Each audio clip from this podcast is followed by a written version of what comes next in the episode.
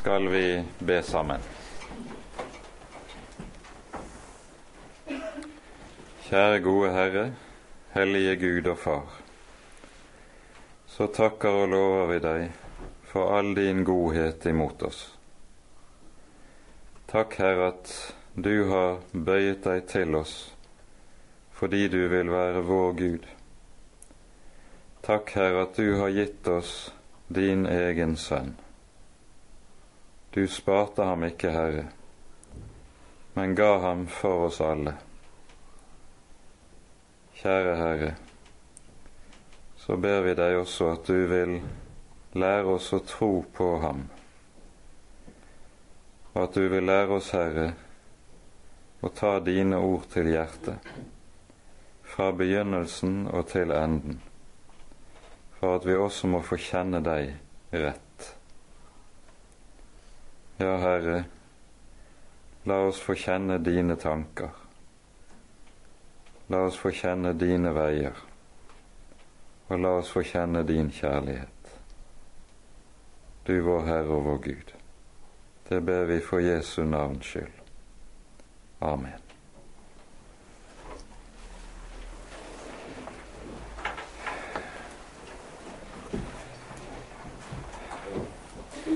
Vi har altså hatt et lite avbrekk i serien over Første Mosebok.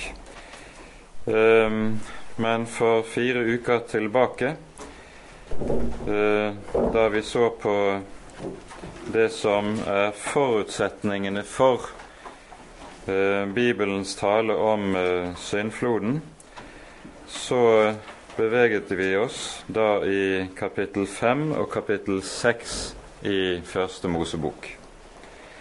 Når vi så kommer til kapittel 7 og 8, er det vi hører selve beretningen om syndfloden. Um, og det vi skal legge merke til når det gjelder denne beretningen, det er at den er uhyre tilbakeholdende når det gjelder å skildre de ulike konkrete ting som må ha skjedd, som må ha utspent seg i forbindelse med floden. Vi hører det sies i kapittel 7 at når Noah går inn i arken, så lukker Herren Gud døren etter ham. Og det er så å si slik at Herren også med det at han lukker døren til arken etter Noah, så lukker han også for alt det som vår menneskelige fornuft og forstand kunne ha lyst til å ha rede på når det gjelder syndfloden og det som der skjer.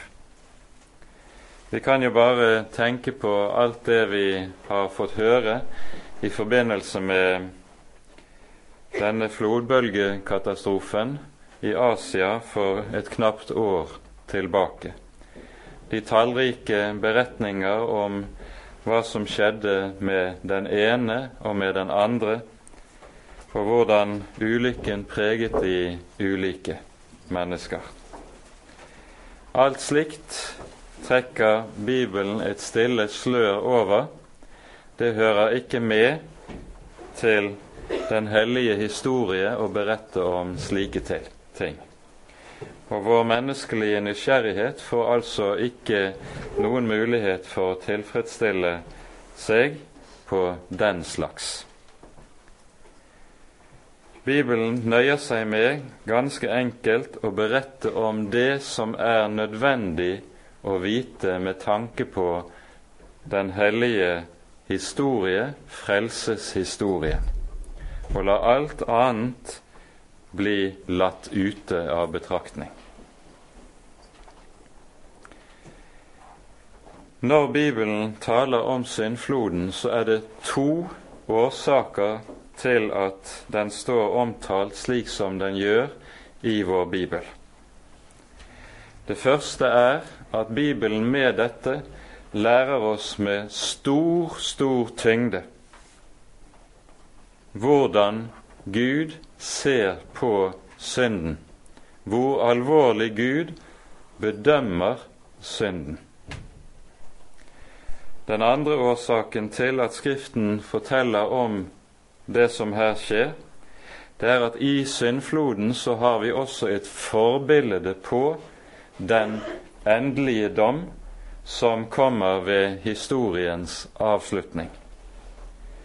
Bibelen lærer oss altså om to slike universelle domshandlinger fra Guds side. Den ene ligger bak i historien og er forbildet på den annen som ligger foran. Og Slik er det også at når Jesus da taler om de siste ting som skal skje forut for hans gjenkomst, da drar han nettopp linjen tilbake til Noas dager. Således som det var i Noas dager, slik skal det være i menneskesønnens dager, hører vi det lyde i Matteus 24. Det er en universell domsgjerning som Gud her utfører. Senere gjennom historien så utfører Gud partielle domshandlinger som rammer ulike folk på ulike vis. Og Bibelen lærer oss også noe om det. Men en universell dom kommer ikke til å skje i historien før Jesus kommer igjen for annen gang. Vi hører i slutten av kapittel 8 om hvorledes Noah forholder seg etter syndfloden og etter at vannet har sunket på jorden. Og vi leser fra vers 15 i kapittel 8. Da talte Gud til Noah og sa:" Gå ut av arken, du og din hustru og dine sønner og dine sønners hustruer med deg.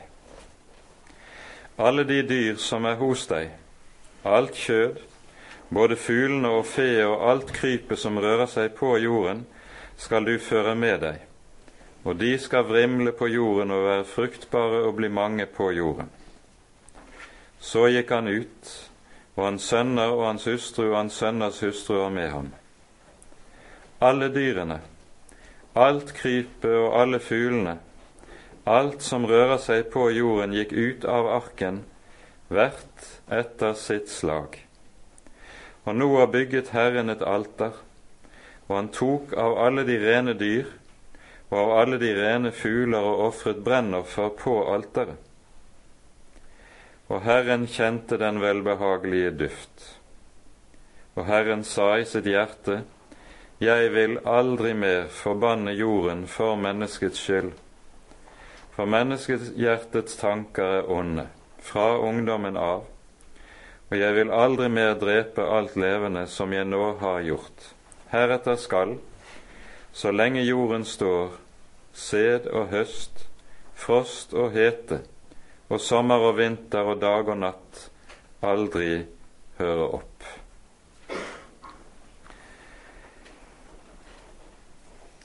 Forut for det vi her leser i kapittel 8, hører vi om hvordan Noah, etter at arken har strandet på Ararat, så blir de værende der mens vannet synker på jorden. Vi hører han først sender ut en ravn, deretter et par ganger duen, inntil duen ikke vender tilbake.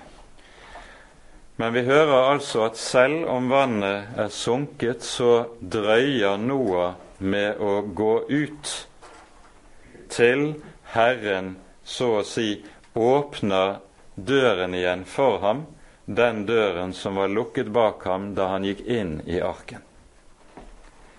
I dette så ser vi noe som gjennomgående har stor betydning i Den hellige skrift, nemlig hvordan de som er Herrens hellige, stadig bier på Herren.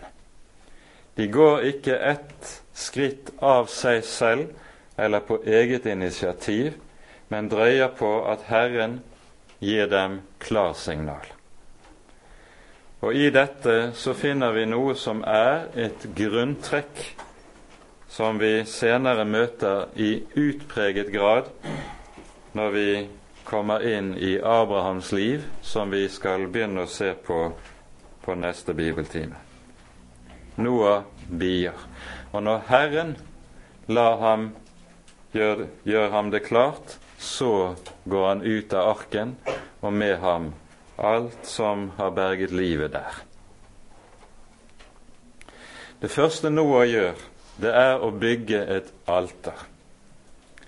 Og dette er første gang vi hører om alter i vår bibel.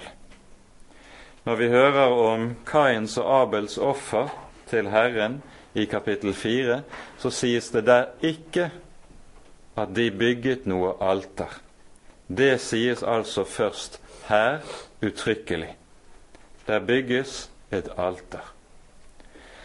Og fra nå av er det slik at alteret er gjennomgående det sted, det møtested, der Herren og synderen kan komme sammen. Det offer nemlig som Noah nå ofrer, brennofferet, det er det grunnleggende offer i Bibelen, og må også regnes som å være det høyeste av alle ofrene. Det er nemlig det offer som innbefatter i seg alle de øvrige offer, like som i en sum. Brennofferet har nemlig det med seg at det har dobbelt betydning. Det er både et takkoffer, det er et sonoffer, og det er et innvielsesoffer. Når du går til offerlovgivningen i Tredje Mosebok, så hører du om, derfor først om i kapittel 1 lovgivningen for brennofferet, som er det fremste av alle ofrene. Deretter kommer lovgivning for de andre ofre egne lover for syndoffer, for skyldoffer, for takkoffer, for fredsoffer, for innvielsesoffer. Det er så å si delofferet, mens de alle sammen samles til en enhet i brennofferet. Og Det Noah gjør når han ofrer brennoffer, det er altså to hovedsaker. Eller tre hovedsaker, unnskyld. For det første ligger det i dette en takksigelse til Herren for den frelse som er blitt ham og hans familie til del. For det andre er det altså et syndoffer, der han ofrer for, eller til soning for, den synd som ligger også i hans hjerte, i hans liv og i livet til hans familie. Og for det tredje det er et innvielsesoffer. Med dette så innvier Noah så å si den nye jord, som nå fremstår renset etter dommen, innvier den nye jord og sitt eget liv på den nye jord til Herren. Han vigsler så å si seg selv og all jorden til å høre Herren til, å være helliget Herren. Og så hører vi hvordan Herren sier, det sies, han kjente den velbehagelige duft, og sa til sitt hjerte, jeg vil aldri mer forbanne jorden for menneskenes skyld. For menneskets hjertes tanker er onde fra ungdommen av. Og Her skal vi legge merke til at det som nå sies, det er at de samme ordene lyder nesten ordrett likt i kapittel 6, vers 5. Og Der lyder de som begrunnelse for den dom Herren nå lar ramme jorden, nemlig i syndfloden. Mens nå lider de som begrunnelse for at Herren ikke vil la noen universell dom ramme jorden igjen på slik måte før historiens avslutning er der. Hvilket altså innebærer at Gud tar syndens universalitet, syndens allestedsnærvær, og det at den så å si gjennomsyrer alt i menneskenes liv og hjerte, han tar det inn som en del av sitt historiske styre. Og vil altså i sitt historiske styre etter denne dag også bruke det onde som ligger i menneskenes liv og hjerter, til å fremme sin gode vilje. Og så lyder det heretter skal så lenge jorden står, utsed og høst, frost og hete, sommer og vinter osv. aldri høre opp. Og det vi her hører, det er det Jesus viser til i bergprekenen når han sier, som vi husker, han lar sin sol gå opp over onde og gode. Han lar det regne over rettferdige og urettferdige. Han sørger med sitt styre, med sitt opphold av verden, for at alt levende får det det trenger. Og med dette stiger altså Noah ut på den nye jord. Og Dermed så beveger vi oss inn i kapittel 9.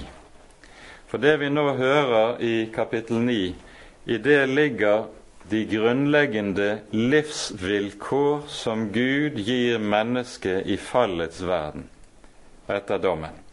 Og her hører vi at det legges til rette en del ting som vi ikke har hørt om tidligere i Første Mosebok. Vi leser fra vers 1. Gud velsignet Noah og hans sønner og sa til dem:" Vær fruktbare og bli mange og oppfyll jorden. Og frykt og redsel for dere skal være over alle dyr på jorden, over alle fugler under himmelen, over alt det som rører seg på jorden, over alle fiskene i havet. I deres hånd er det gitt. Alt det som rører seg og lever, skal dere ha til føde. Like som jeg ga dere de grønne urter, gir jeg dere alt dette. Men kjøtt med dets sjel i, det er dets blod, skal dere ikke ete. Men for deres eget blod vil jeg kreve hevn. Av hvert dyr vil jeg kreve hevn for det, og av mennesket, av enhvers bror, vil jeg kreve hevn for menneskets liv. Den som utøser menneskets blod, ved mennesket skal hans blod utøses, for i Guds bilde skapte han mennesket. Og vær dere fruktbare og bli mange, og vrimle på jorden og bli mange på den. I det som her sies, skal vi merke oss et par hovedsaker. For det første gjentas det vi leste i vers 7 og i vers 1, velsignelsesordet som lød ved skapelsen. Vær fruktbare og bli mange og oppfyll jorden og legg den under dere. Gud gjentar dette velsignelsesord over Noah og hans hus for at jorden skal fylles og mennesket skal underlegge seg den. Men det inntrer en grunnleggende endring i forholdet til all den øvrige skapningen. For det første hører vi i skapelsesberetningen at når Gud gir mennesket livsopphold og føde, så gir han dem kun det vegetariske, kun planter til føde. Etter syndfloden er det at også kjøtt, det å slakte dyr, blir den alminnelige del av menneskets kosthold. Det er altså nå en meget stor endring som inntrer i menneskenes livsvilkår på, denne, på dette vis. Dette fører jo også til at forholdet mellom menneske og dyr blir vesentlig annerledes etter syndfloden. Frykt og redsel for dere skal være over alle dyr på jorden. Forut for syndfloden så har mennesket ikke behøvd å herske over dyrene ved hjelp av vold og makt, og derfor har dyr og menneske levet sammen i en fortrolig om omgang på en helt annen måte enn det som skjer etter syndfloden. Det er noe av det forhold som en rest av livet i paradiset, som vi hører om i Jesaja-bokens ellevte kapittel, som skal gjenreises på den nye jord. Da skal løven beite sammen med lammet, og leoparden sammen med oksen, osv. Mens det altså i denne perioden etter syndfloden så er det også dette grunnforholdet ødelagt. For det tredje merker vi oss at Gud nå innstifter øvrigheten som ordning. Og dette er uhyre viktig å være oppmerksom på. Det er det vi hører i vers 5 og i vers 6. Med dette innstifter Gud nemlig en domsmyndighet til å straffe all urett som begås av menneskene. Og her i denne sammenheng nevnes kun den groveste av all urett, nemlig drapet.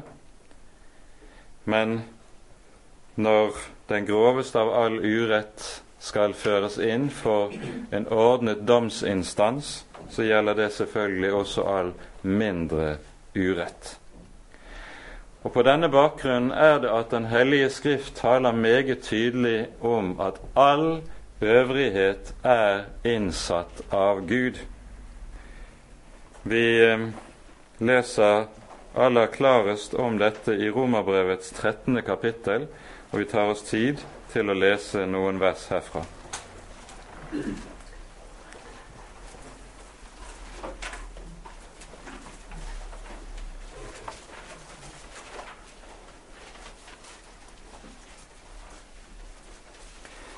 Hver sjel være lydig mot de foresatte øvrigheter.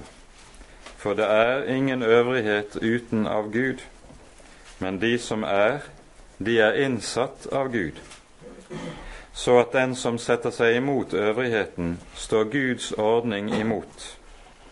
Men de som står imot, skal få sin dom. For de styrende er ikke til redsel for den gode gjerning, men for den onde. Men vil du slippe å frykte for øvrigheten, gjør da det som godt er, så skal du ha ros av den, for den er Guds tjener til det gode. Men gjør du det som er ondt, da frykt, for den bærer ikke sverdet for intet, for den er Guds tjener, en hevner til straff over den som gjør det som ondt er. Derfor er det nødvendig å være lydig mot den, ikke bare for straffens skyld, men også for samvittighetens. Derfor betaler dere jo også skatt, for de er Guds tjenere som nettopp tar vare på dette. Gi alle det dere er dem skyldige, den skatt som skatt tilkommer, den toll som toll tilkommer, og den frykt som frykt tilkommer, den ære som ære tilkommer. Her sies det altså at øvrigheten er innsatt av Gud. Det er en ordning i samfunnet som er innstiftet og innrettet av Gud, med tanke på at den nettopp skal være til redsel for den onde gjerning, som vi her hører det. Og Derfor sies det også at øvrigheten av Gud er bemyndiget til å bære sverdet. Den har altså fått Guds eget eh, seil på at den har lov til, fullmakt til, å bruke makt for å opprettholde retten og avverge ond gjerning. Og Derfor er øvrighetens oppgave i alt menneskelig samfunnsliv nettopp dette å verne om retten, å verne den smake mot urett på ethvert område i livet. Og der urett begås, der skal øvrigheten også skride inn til dom og til å straffe den onde gjerning. Det er den bemyndiget til av Gud. Og Derfor er det også slik at øvrigheten, slik den gjør sin gjerning etter Guds ord, der er dens oppgave på lovens område. Øvrigheten har ikke fått evangeliet. Den skal tvert om håndheve loven, slik at menneskers liv og velferd vernes og bevares. Og Vi har sett mer enn én en gang i historien eksempler på hvordan det går i et samfunn der øvrigheten, der ordensmakten går i oppløsning og blir borte. Et slikt samfunn vil, og i løpet av kortere eller lengre tid, uvegerlig ende opp i kaos, og der det blir den sterkestes rett, dvs. Si jungelens lov som gjør seg gjeldende. Slik er menneskets hjerte. Slik er syndens makt i menneskets liv. Og Derfor er det en stor velsignelse fra Gud at han har innsatt øvrigheten med denne myndighet i samfunnet.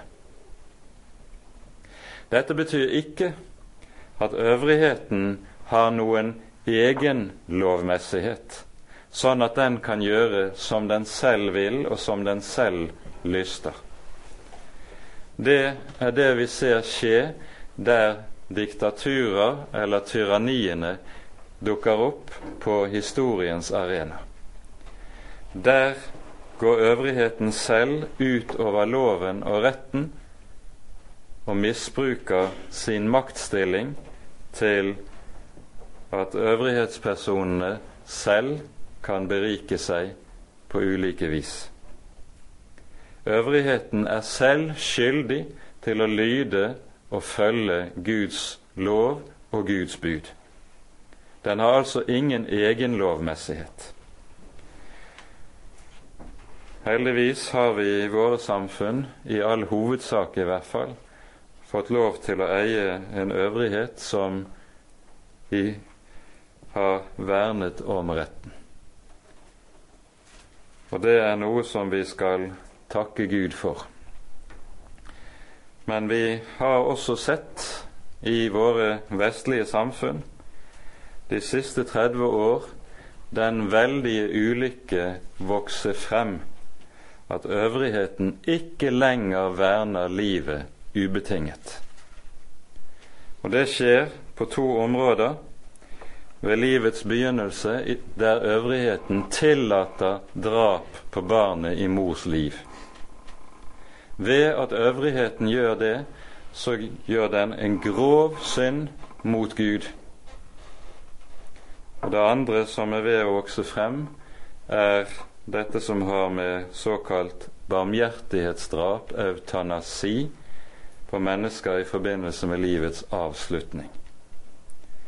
Der handler øvrigheten rakt imot det mandat den er gitt av Gud. Og Det vil etter Guds ord derfor også være slik at de vestlige samfunn med deres øvrighet av den grunn også står under Guds dom. Dette er også viktig å si i våre dager. Legg altså merke til at selve fundamentet for at Gud innstifter øvrighetens embete for å bruke et slikt uttrykk som også reformatorene bruker. Det er nettopp å verne om livet og straffe den som forbryter seg på livet. Og Når øvrigheten selv blir en som beskytter de som tar liv, og godtar at menneskelig liv, det som er skapt i Guds bilde, blir ødelagt, da kommer øvrigheten også selv under Guds dom. Dette skal vi notere oss ut fra Guds ord.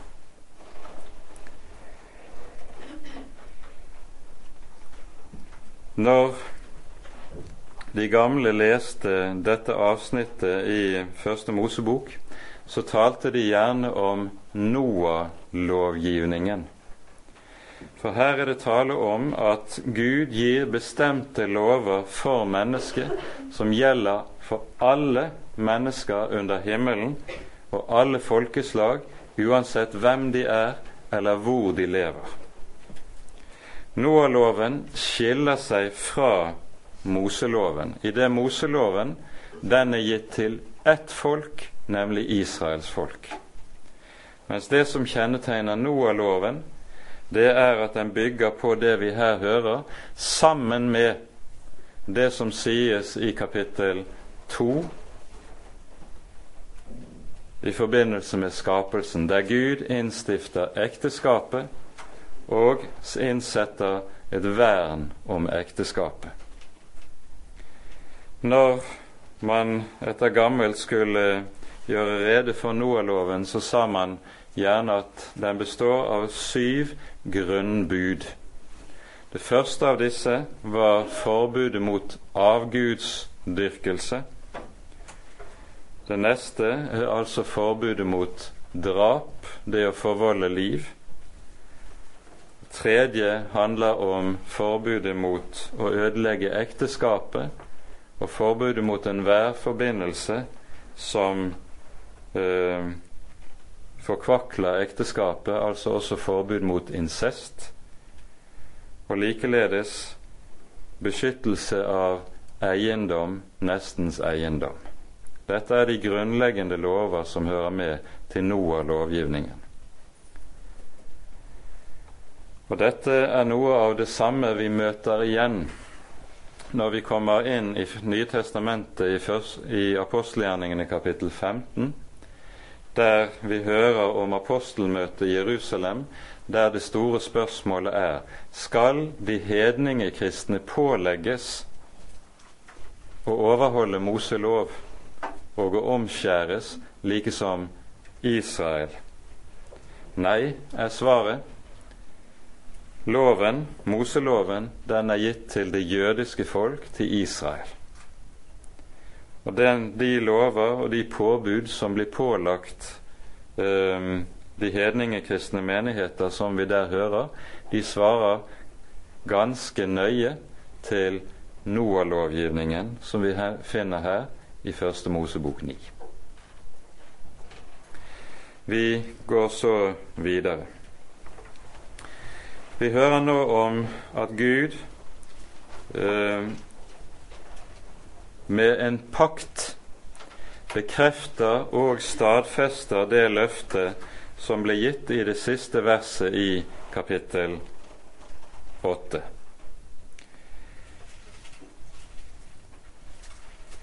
Gud sa til Noah og til hans sønner som var med ham, Nå vil jeg opprette min pakt med dere og med deres etterkommere og med alt levende som er hos dere, både fugler og fe og alle de ville dyr som er hos dere, alt som gikk ut av arken, alt som lever på jorden. Jeg oppretter min pakt med dere, og aldri mer skal alt kjød utryddes av vannflom, aldri mer skal det komme en vannflom som ødelegger jorden. Og Gud sa, dette er tegnet på den pakt som jeg gjør mellom meg og dere og alt levende som er hos dere, til evige tider. Min bue setter jeg i skyen, og den skal være et tegn på pakten mellom meg og jorden. Og når jeg fører skyer over jorden og buen, buen sees i skyen, da vil jeg komme i hu den pakt som er mellom meg og dere, og alt levende av alt kjød, og vannet skal aldri mer bli en flom som ødelegger alt kjød. Og buen skal stå i skyen, og jeg vil se på den, og komme i hu den evige pakt mellom Gud og alt levende av alt kjød som er på jorden. Og Gud sa til Noah, dette er tegnet på den pakt jeg har opprettet mellom meg og alt kjød som er på jorden. På ny er det et hovedord i Skriften som vi nå møter for første gang. Og det er ordet pakt. Ordet pakt det er et ord som betyr en bindende avtale mellom to parter. Og vel å merke, slik Bibelen bruker uttrykket, så betegner det en juridisk forpliktende avtale. Man kan lese i, ikke minst i Første Mosebok, om pakter som inngås mellom mennesker. Du hører Isak inngå pakt mellom, med kongen i Gerar og innbyggerne der som eksempel på dette, og vi hører hvordan pakten inngås og paktsvilkårene som knyttes til dem. Når det gjelder pakter mellom Gud og mennesker, så er dette noe som vi senere møter ofte i Bibelen, og det er et grunnord i Den hellige skrift. For det første er det slik at med dette ordet så møter vi noe som vi ikke finner noe tilsvarende til i andre religioner overhodet. Du hører aldri innenfor hedenske religioner at gudene inngår pakt i forhold til menneskene. Tvert om hører vi at gudene kan opptre særdeles vilkårlig når de omgås menneskene. Det er gudenes tilfeldige humørsvingninger som kan styre hvordan de forholder seg til menneskene. Deres tilfeldige preferanser, hva de liker og ikke liker.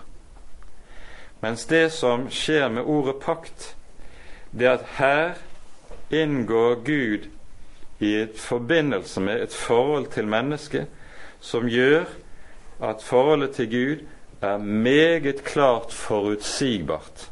Han har nemlig bundet seg selv.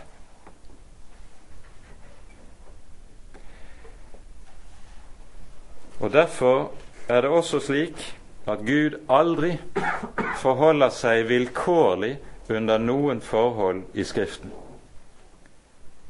Når Bibelen taler om hvem Gud er og hva Han gjør, så er det i stedet et annet ord som brukes som til stadig å beskrive hvem han er. Og det er ordet som i våre bibler omsettes med trofasthet. Han er til å lite på. Han er ikke en som forandrer seg etter dagsform eller humør. Han er den samme. Og til å bekrefte og stadfeste dette, så inngår han altså pakt med mennesket. Og i pakten så binder han seg selv. I Bibelen hører vi om to ulike slags pakter. Det er to hovedtyper av pakter. Det ene er det som kalles for lovpakt. Det er det Gud inngår med Israel ved Sinai. Det skal vi antagelig få tid til å se på senere. Og Det andre er det som kalles nådepakt. Det som kjennetegner nådepakten, det er at Gud i en nådepakt gir mennesket bestemte løfter som han forplikter seg selv til å overholde, uten at mennesket på sin side pålegges noen som helst forpliktelse. Det er altså Gud som ensidig forplikter og binder seg selv til å gjøre det han lover i pakten, mens mennesket altså ikke stilles overfor noen som helst vilkår.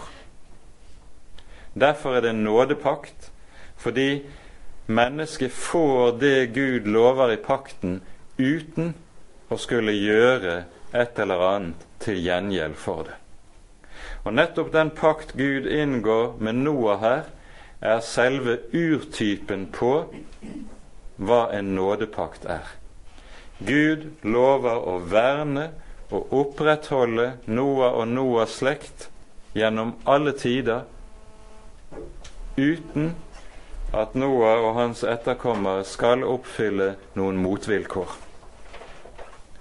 Og så gir han også et tegn til bekreftelse og stadfestelse på hva han har lovet. Regnbuen som står der i skyen, som det her sies at Gud sier 'når jeg ser den'. Det sies ikke altså at når dere mennesker ser den, skal dere huske det. Men Gud sier 'når jeg ser den, så vil jeg komme pakten i hu'. Det er så å si slik at Gud bøyer seg ned på vårt nivå og sier 'Jeg vil stadig minnes det jeg her har lovet'. Det skal aldri gå i glemmeboken. Og så har Gud latt det være slik at han har holdt verden oppe like til den dag i dag. Han har holdt pakten. Og så er ordet pakt et ord som har det med seg at det definerer det grunnleggende forhold mellom Gud og mennesker. Det Noah-pakten gjør, det er at den definerer dette forhold på skaperplanet. Det gjelder alle mennesker, helt uavhengig av om de hører til Guds folk eller ei. Mens de neste pakter som Bibelen så kommer til å fortelle om, den første er pakten med Abraham, det er pakter som befinner seg på frelsesplanet. Det er en pakt der Gud binder seg til et menneske med tanke på dette menneskets frelse og forløsning. Det er forskjellen på Noah-pakten og Abrahamspakten som vi hører om i kapittel 15 og 17 i Første Mosebok, og som vi altså kommer til. Når Bibelen nå forteller så å si om den nye jord som står renset og lutret frem etter dommen, så gir Bibelen oss også ved denne anledning så å si et utblikk i fugleperspektiv over hele den følgende historie. Det er det vi hører om i slutten av det niende kapittelet. Og vi leser nå fra vers 19, fra vers 18. Noas sønner som gikk ut av arken, var Sem, Kam og Jafet, og Kam var far til Kanan. Disse tre var Noas sønner, og fra dem bredte menneskene seg ut over hele jorden. Og Noah var jorddyrker og han var den første som plantet en vingård. Og han drakk av vinen og ble drukken, og han kledde seg naken inn i sitt telt. Og da Kam, Kanans far, så sin far ligge naken, fortalte han dette til begge sine brødre som var utenfor. Da tok Sem og Jafet et klede og la det på sine skuldre og gikk baklengs inn og dekket over sin fars blussel. Og de vendte sine øyne bort så de ikke så sin fars blussel. Da så Noah våknet av sin rus, fikk han vite hva hans yngste sønn hadde gjort imot ham. Da sa han, Forbannet være Kanan, trellers trell skal han være for sine brødre. Så sa han, Lovet være Herren, Sems Gud, og Kanan være deres trell. Gud gjøre det hvitt for Jafet, han skal bo i Sems telt, og Kanan være deres trell. Etter vannflommen levet Noah ennå 350 år, og alle Noahs dager ble 950 år, så døde han. Noahs synd, som vi her hører om, det blir foranledningen til det som kan kalles Noas profeti, og som er en profeti som likesom i en kort sum kaster lys over hele menneskehetens videre historie først og fremst da dens frelseshistorie. Det første vi merker oss med denne profetien, er at Gud jo, eller Noah, først forbanner Kanan. En kan spørre seg hvorfor kommer forbannelsen over Kanan i stedet for over Kam, som jo er den som har syndet. Til det er å svare at like som Noah møter ulykke gjennom sin sønn, så skal Kam møte det samme gjennom sin sønn. Så det er så å si at det samme rammer Kam som har rammet Noah i dette. For det annet så legger vi merke til at det som er Kams synd i dette, det er synd mot det fjerde bud. Du skal hedre din far og din mor. Det at Kam går ut og forteller til sine brødre I dette ligger det ikke bare en nøktern eh, beretning om hva som har skjedd, men det ligger en spottende omtale av farens fall og synd, der han likesom godter seg over hvordan hans gamle far har falt ut i det. Og Så hører vi i motsetning til dette de to andre brødrenes ærbødighet overfor faren midt i hans fornedrelse. Og så er det altså forbannelse og velsignelse lyder fra Noas munn, og dette er profetisk. Merk det. I det neste kapitlet, kapittel 10, er det vi hører menneskehetens stamtavle, nemlig hvordan eh, hele den øvrige med menneskehet nedstammer fra de tre Noas sønner. Og Da er det slik, ganske grovt sett, at Sem er stamfar til det som vi kaller for de semittiske folkeslag, og dermed også til Abraham, Isak og Jakob. Jafet er stamfar til de indoeuropeiske folkeslag, altså de folkeslag som i all hovedsak har bodd i Europa og store deler av Asia. Og for det tredje Kam er stamfar til de fargede folkeslag, hovedsakelig de som bosetter seg i Afrika og også i deler av Asia. Det er ganske grovt, det vi ser når det, vi leser stamtavlen i kapittel 10. Og Med det i minne går vi tilbake til Noas profeti. For det første ligger det umiddelbart i vers 25 en forutsigelse av hva som ligger foran når det gjelder Kanan. Forbannet være Kanan, trellers trell skal han være for sine brødre. Dette oppfylles bokstavelig i Josvas dager når Israel inntar det lovede land, og er forutsagt i kapittel 15 også av Abraham, når eh, vi her hører at Gud sier til eh, Abraham at hans etterkommere skal være i trelldom i Egypt i 400 år, og så skal de få komme tilbake og ta landet i eie. Og så står det i vers 16 i det fjerde ett ledd skal de komme hit igjen, altså til det lovede land, for amorittene har ennå ikke fylt sitt ondskapsmål.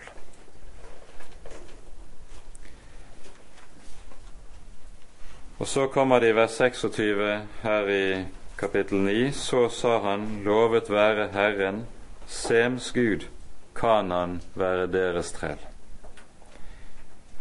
Altså i Sems ett, i Abrahams hus, er det Kanan undertvinges. Og så vers 27. Gud gjør det hvitt for Jafet. Han skal bo i Sems telt. Med dette sies det for det første den forløsning som er lovet menneskeheten allerede på fallets dag, nemlig i kvinnens ett. Kvinnens ett skal knuse slangens hode. Den forløsning, den hører vi nå, den skal fullbyrdes i Sems hus og i Sems ett. For det andre sies det her Jafet skal bo i Sems telt. Det vil si Jafet, de indoeuropeiske folkeslag, er de folkeslag som først og fremst skal få del i den frelse som fullbyrdes i Sems slekt. Og Dette ser vi også er blitt fullbyrdet i Den kristne kirkes historie.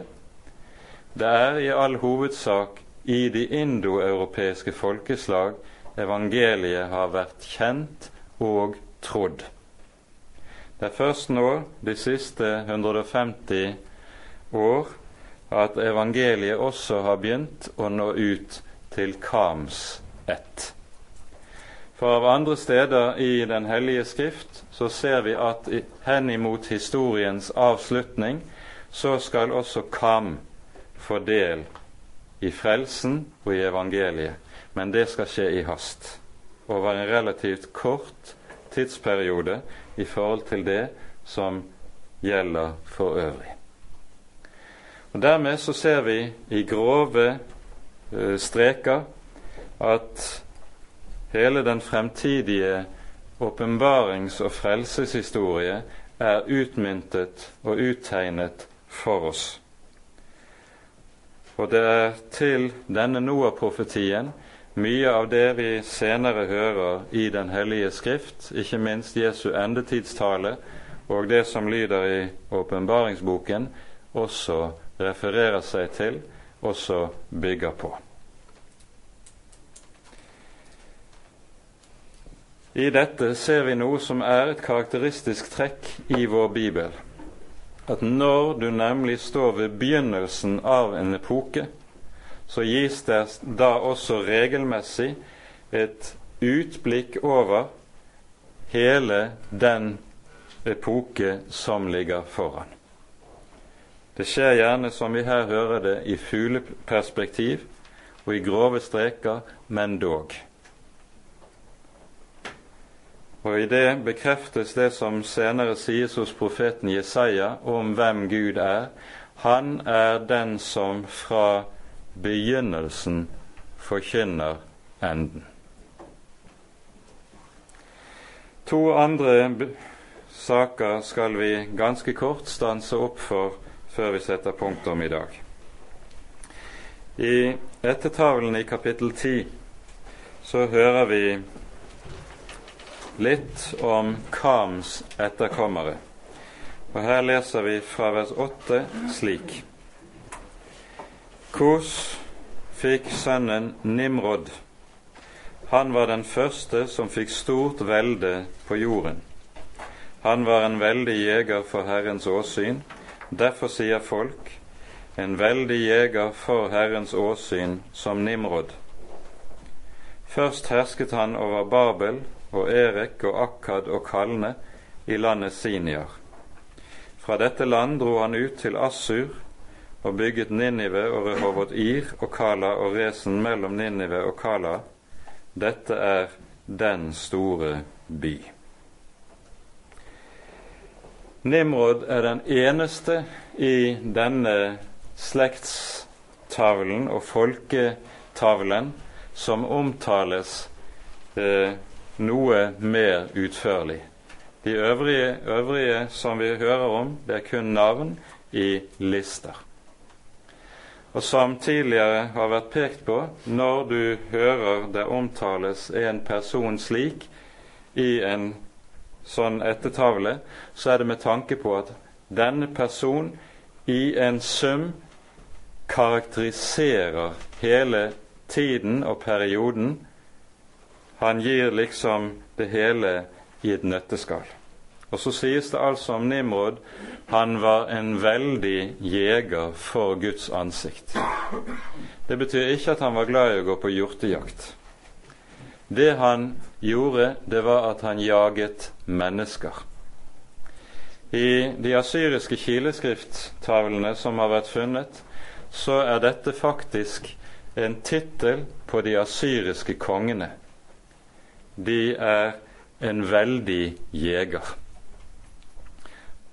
Og Det som er poenget med beretningen om Nimrod, det er at han er den første som bygger det som vi senere ser så mye av senere i historien, et verdensrike.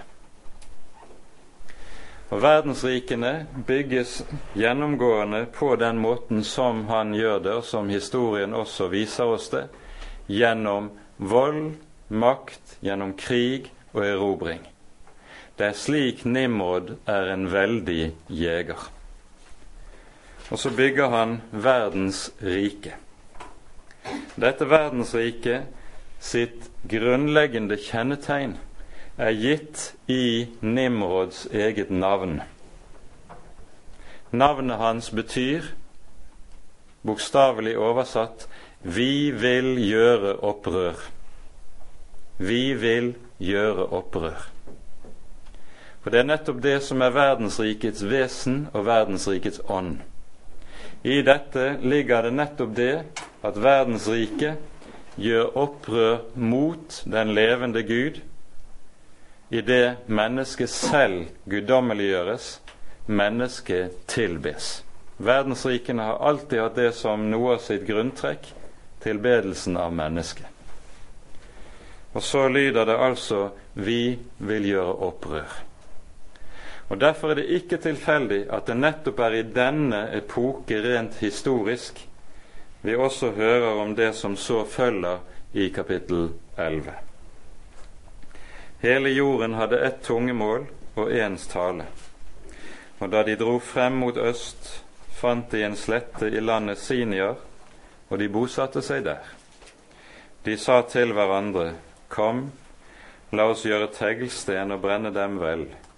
Og de brukte tegl i stedet for stein og jordbek i stedet for kalk.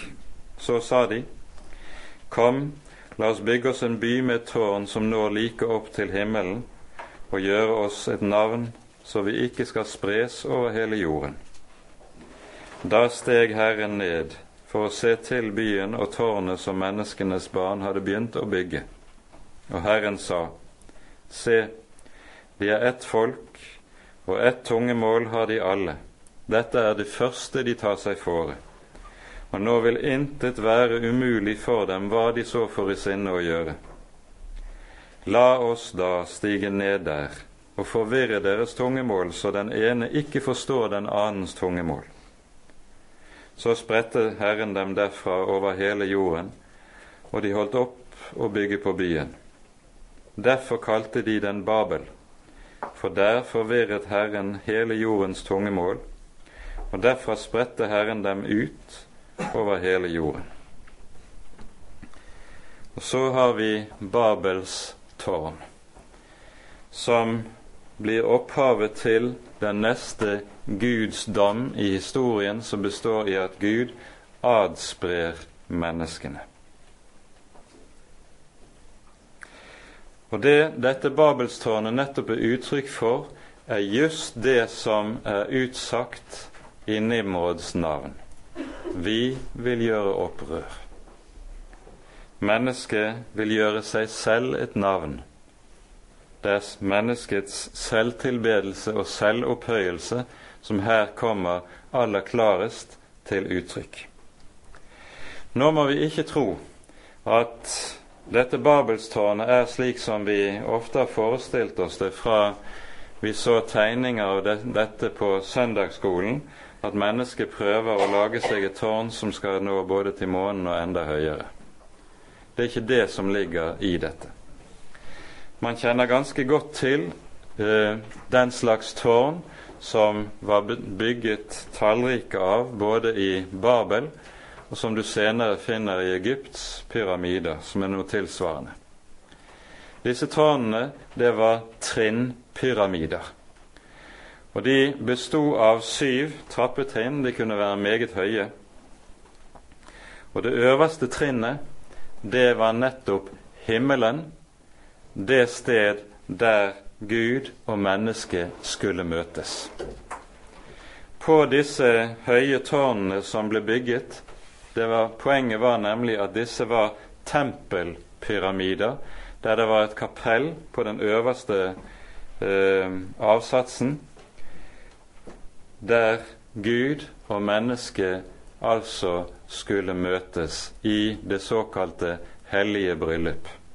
Syvtallet var symbolsk, astrologisk, i det det var ett trinn for hver av de eh, kjente, eh, viktigste stjernene eller himmellegemene. Saturn, Jupiter, Mars, Venus, uh, Merkur, Merkur pluss sol og måne. Og månen var altså det som var representert ved det øverste trinnet, der det var måneguden som nettopp ble dyrket. Og Denne gudsdyrkelsen var, eh, foregikk på det vis at der var det hellige bryllup. Det var seksualkult der øverstepresten og prestinnen møttes og forenet seg i det som da altså kalles for det hellige bryllup. Det er den typen gudsdyrkelse Babels tårn representerer. Og dermed representerer det altså meget målbevisst nettopp det vi hører i Nimrod-navnet 'Vi vil gjøre opprør'. Det er et opprør der mennesket setter seg selv i sentrum. Det er et opprør der mennesket erstatter Guds bud og Guds lov med sine egne lover som det selv har laget seg. Det er et opprør der mennesket på grunnleggende vis etablerer en annen religion enn den gudstro og gudsdyrkelse som de hadde fått gjennom Noah. Og Dermed så ser vi hvordan menneskehetens historie etter syndfloden blir akkurat som menneskehetens historie etter fallet. Blitt stadig dypere fall og frafall bort fra Gud. Inntil Gud på ny må skride inn til dom. Så adsprer altså Herren menneskene ved denne anledning utover hele jorden ved å forvirre deres tungemål. Det vi nå da skal være oppmerksom på, er at det som her skjer, den domsgjerning Gud nå gjør, den møter vi igjen i sin motsetning i Det nye testamentet, nemlig på pinsedag. Det som skjer på pinsedagen, det er at Gud der så å si setter Babel i revers. Mens Gud forvirrer menneskenes språk, adsprer menneskene ved Babel, så gjør Gud nøyaktig det motsatte på pinsedag. Der lar han det skje et språkunder så at menneskene nå brått forstår hverandre, helt uavhengig av hvilket tungemål de taler. Og så begynner Herren å samle inn folkene. Mens det i Babel skjer en dom, skjer det på pinsedag en frelsesgjerning. Og Derfor skal vi også være klar over at det under som skjer på pinsedag i Jerusalem, det er ikke sånn som vi ofte får høre det, at apostlene taler i tunger. Det er ikke tungetale. Men det er et språkunder som forteller oss, der Gud i konkret handling forteller oss at nå er dommen fra Babel opphørt, og hedningenes tid er begynt. For det er det annet som hører med til det, vi, det som her skjer. I og med at Herren nemlig nå adsprer folkeslagene ved sin domshandling, så betyr, sier Skriften også med det at Gud lar menneskene vandre sine egne veier gjennom historien. Han forlater folkeslagene. Og så er det i denne perioden han nå griper inn og utvelger én mann for på ny å skape en ny begynnelse. Det er nå, det er i denne historiske epoke, utvelgelsen av Abraham finner sted.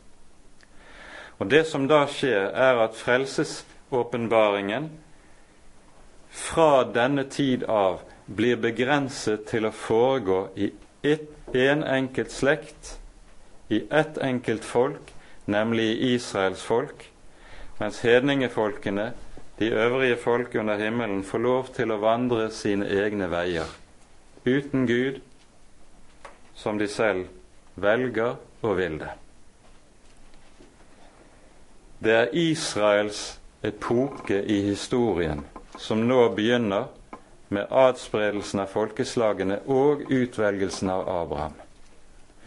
Det vi altså ser i Første Mosebok, er at fra Babels tårn av og tilbake til fallets dag, så har Gud forholdt seg til, åpenbart seg for hele menneskeheten.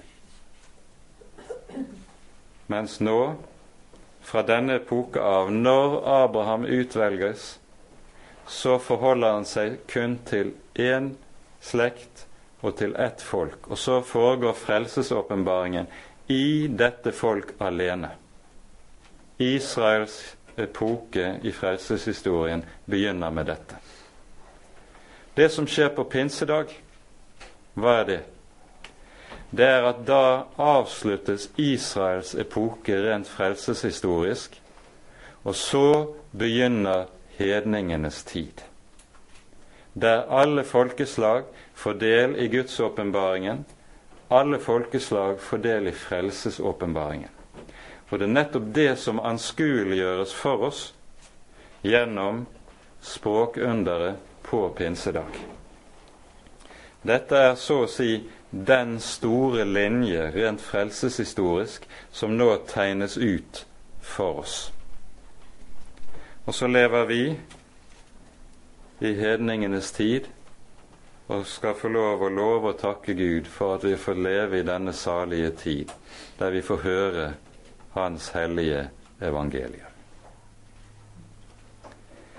Skal vi samle det som vi hører om Babels tårn og Nimrod, og det som dermed er antydet som et historiens grunntema i en sum, nemlig menneskets opprør mot den levende Gud og Guds svar på dette, så kan ikke det gjøres bedre enn ved at vi minner om det vi leser i Salme 2. Og vi slutter med å lese derfra.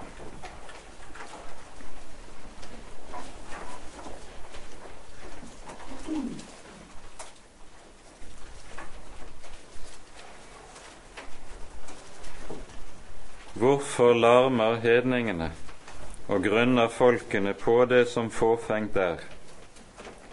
Jordens konger reiser seg, fyrstene rådslår sammen mot Herren og mot Hans salvede. La oss sprenge deres bånd og kaste deres rep av oss. La oss gjøre opprør. Han som troner i himmelen, ler. Herren spotter dem. Og det vi hører skje ved språkforvirringen ved Babel, det er så å si en gjenklang av denne Guds latter. Det skal ikke mer til fra Guds side enn å gjøre en slik handling, og så er Guds dom iverksatt. Så taler han til dem i sin vrede, og i sin harme forferder han dem. Jeg har dog innsatt min konge på Sion, mitt hellige berg. Og så taler den konge Herren har innsatt på sitt hellige berg, fra vers syv av. Jeg vil kunngjøre hva fastsatt er. Herren sa til meg, du er min sønn, jeg har født deg i dag. begjær av meg, så vil jeg gi deg hedningene til arv og jordens ender til eie. Du skal knuse dem med jernstav, som en pottemakers kar skal du sønderslå dem. Og nå, dere konger, gå viselig frem. La dere advare dere dommer, dommere på jorden. Tjen Herren med frykt og juble med beven. Kyss Sønnen for at han ikke skal bli vred, og dere går til grunne på veien, for snart kunne hans vrede opptennes. Salige er alle de som tar sin tilflukt til ham. Det store temaet for verdenshistorien er dette kampen mellom Gud og djevel. Kampen mellom verdensriket og Guds rike. Denne kamp er nå anslått. Temaet er gitt oss, og Salme 2 gir oss Bibelens svar på hva det dreier seg om. Salige alle de som tar sin tilflukt til Ham, sier så Skriften. Ære være Faderen og Sønnen og Den hellige ånd, som var og er og være skal, en sann Gud, høylovet i evighet. Amen.